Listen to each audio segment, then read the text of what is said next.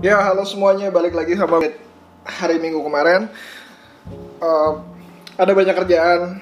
eh ya lagi hektik banget sih, lagi kacau. Cuman hari ini gue mau bahas tentang sebenarnya terminologinya tentang driver dari sebuah perusahaan sih. Eh, gue suka banget sama bukunya Zero to One, bukunya Peter Thiel, di mana dia ngomongin soal pertumbuhan. Jadi uh, kalau misalkan di keuangan itu sendiri dia ngomongin pertumbuhan itu berdasarkan net income. Jadi pertumbuhan net income itu harus stabil, harus besar, harus tinggi atau segala macam lah. Tapi ngomongin soal net income, tapi dia tidak mengatakan net income itu datangnya dari mana sih gitu. Nah, gue mau bahas juga tentang gue gak bakalan nyebutin namanya, cuman tentang perusahaan yang gue lagi collect sekarang dan lagi collapse lumayan uh, gue kehilangan cukup banyak keuntungan dan akhirnya cuma break even pada tahun ini uh, akhir tahun ini menjelang akhir tahun ini. Jadi yang gue mau obrolin adalah tentang hal, -hal tersebut. Pertama adalah gue mau ngomongin soal driver dari sales. Tempat dari mana semua keuntungan itu berasal. Jadi intinya gini sih net income itu tuh adanya berdasarkan dari gross profit dikurangin sama operation profit ah sorry sama operations. Dikurang lagi pajak amortisasi dan depresiasi. Ya kalian harus tahu itu. Terus gross profit itu datangnya dari sales dikurangin sama COGS nah problemnya di masa akuntansi ini sebenarnya ada beberapa hal yang sulit sekali untuk di tracking gitu. Apalagi kalau misalnya emang perusahaannya benar-benar bagus banget. Uh, maksudnya bukan dalam hal keuangannya bagus ataupun manajemennya bagus tapi uh, manajemen ini benar-benar menerapkan akuntansi pada umumnya. Jadi kesalahan bukan pada manajemen tapi ma kesalahan masa uh, bukan pada manaj uh, manajemennya tapi sebenarnya bukan kesalahan sih. Tapi kelihatan jelek karena masalah pencatatan akuntansinya. Nah gini. Pertama lo mesti tahu dulu perusahaan ini sebenarnya keuntungannya berasal dari mana? Apakah dia emang dari salesnya? Apakah dia uh, sorry penjualannya dari dari mana ya? Dari sales sih. Sales itu datang dari mana gitu? Apakah penjualan dari produk-produknya mereka? Apakah produk mereka retail? Bagaimana uh, orang-orang memesan produk mereka? Apakah dalam bentuk bulk apa satuan gitu? Nah, sebagai contoh gini. Batu bara salesnya itu beras uh, kalau bisa perusahaan batu bara salesnya itu berasal datang dari jumlah batu bara yang digali yang digali dan dijual dikali dengan harga jualnya. Jadi ada dua driver di situ harga jual sama uh, jumlahnya gitu jumlahnya. Kalau misalkan harga jualnya jatuh walaupun misalkan penjualannya naik kemungkinan besar harganya juga jatuh uh, salesnya juga jatuh dan itulah mencerminkan mencerminkan net income-nya turun. Lebih banyak didukung oleh pergerakan harga. Nah itu kalau misalnya di perusahaan tambang. Bagaimana dengan perusahaan yang lain? Gue baru aja bukan baru sih gue udah dua tahun megang perusahaan ini di mana perusahaan constructions. Yang problemnya adalah tahun ini ternyata net income-nya naik tapi salesnya turun. Nah, gue rada-rada sebel dan benci banget dengan yang namanya net income-nya naik tapi salesnya turun. Artinya dia hanya efisiensi tapi problem itu kalau problem dari efisiensi adalah jika tidak ada peningkatan sales, problemnya itu adalah tahun depannya pasti bakalan turun lagi gitu. Dan kalau misalkan efisiensi lagi dan turun lagi artinya efisiensinya yang salah gitu.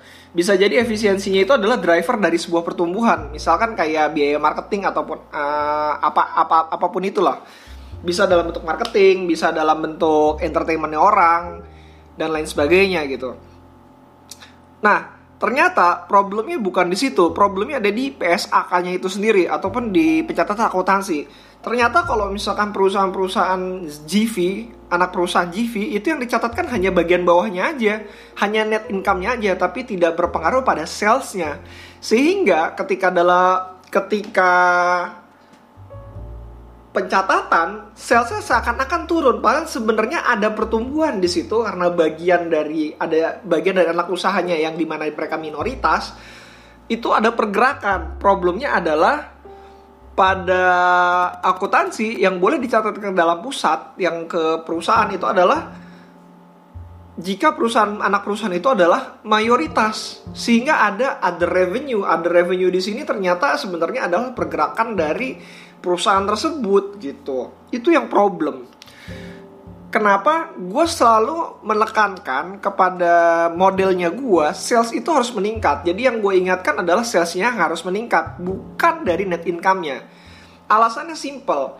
Net income itu itu bisa bergerak swingnya bisa besar bisa kecil. Dalam proses konteks tambang itu bisa besar sekali. Tapi salesnya tambang atau misalkan uh, overburdennya mengenai bagaimana dia mengambil produk tambang itu dari tanda dan menjualnya itu kebanyakan naik terus. Tiap tahun selalu naik. Even kayak tahun-tahun tertentu mungkin hanya stagnan. Nah yang problemnya adalah di harganya. Harganya ternyata emang sedang jelek. Gitu. Gue mengukur itu dari produktivitasnya. Nah untuk beberapa beberapa perusahaan yang hampir sama seperti ini, akhirnya gue harus mundur satu lebih satu langkah lebih belakang lagi. Jadi tidak menghitung dari sisi salesnya, tapi menghitung dari sisi order booknya. Seandainya order booknya bertambah, sorry, order booknya bertambah, artinya nanti net income-nya pun ikut bertambah. Divine bahwa perusahaannya tersebut manajemennya baik juga. Nah, kalian kalau misalkan ngomongin satu perusahaan, kalian harus tahu hukum-hukum apa yang berlaku pada akuntansi tersebut, bagaimana metode pencatatannya, dan itu kalian harus ketahui. Itu yang pertama. Kedua, kalian harus ketahui juga alasan dibanding terjadinya sebuah angka pada akuntansi tersebut. Dalam hal ini gue mencari kenapa salesnya malah turun sedangkan net income-nya naik. Ternyata dilihatnya bahwa karena dia punya anak banyak banyak banyak sekali anak perusahaan. Sehingga apa yang terjadi? Karena net income-nya naik dan salesnya turun akhirnya kalau ngomongin uh, return of return dari sales maksud gue uh, margin profit margin dari sales itu akhirnya meningkat padahal sebenarnya profit marginnya segitu-segitu aja karena anak perusahaannya juga mengambil profit margin yang seperti itu tapi karena masalah pencatatan akuntansi profit marginnya menjadi lebih tebal itu yang sebenarnya terjadi problemnya apa kalau misalnya kalian tahu ini tapi ya kan itu udahlah biarin aja lah gitu maksudnya uh, profit margin tebal kan artinya bagus. Nggak seperti itu. Tahun depan mungkin salesnya bakalan naik, profit marginnya kembali normal. Sehingga sebenarnya ada pertumbuhan lagi pada salesnya karena tidak ada misalkan GV ataupun anak perusahaan yang sedang berjalan yang menyebabkan ero uh, sorry ROI lagi net marginnya menjadi lebih kecil itu yang harus diantisipasi bahwa sebenarnya ada pola yang seperti itu nah ketahui jenis usahanya, bagaimana perusahaan itu bekerja, itu yang harus pertama kali lakukan. Kedua adalah masalah akuntansi, bagaimana cara mereka mencatatkan akuntansinya, dan itu harus kalian pahamin. Benar-benar pahamin, uh, nggak perlu baca PSAK-nya, tapi pahamin bahwa bagaimana sales itu datang, kenapa ada other income, kenapa ada depresiasi, kenapa ada amortisasi. Kalian harus tahu masing-masing hal tersebut. Dua hal tersebut yang sebenarnya harus ditekankan dalam mencari driver dari sebuah perusahaan dan again, kalau misalkan kalian sudah menemukannya, kalian harus tahu apa yang harus driver apa yang harus kalian ambil. Untuk perusahaan yang gue pegang sekarang, driver yang menurut gue paling benar untuk gue untuk gue gunakan adalah order book. Semakin meningkatnya order book dengan manajemen yang baik, net income-nya pun akan terus meningkat. Sekian dari gue, kita akan bahas lagi tentang hal-hal kayak gini. Uh, kita bahas bakalan bahas juga masalah pekerjaan gue juga. See you again next time. Uh, bye.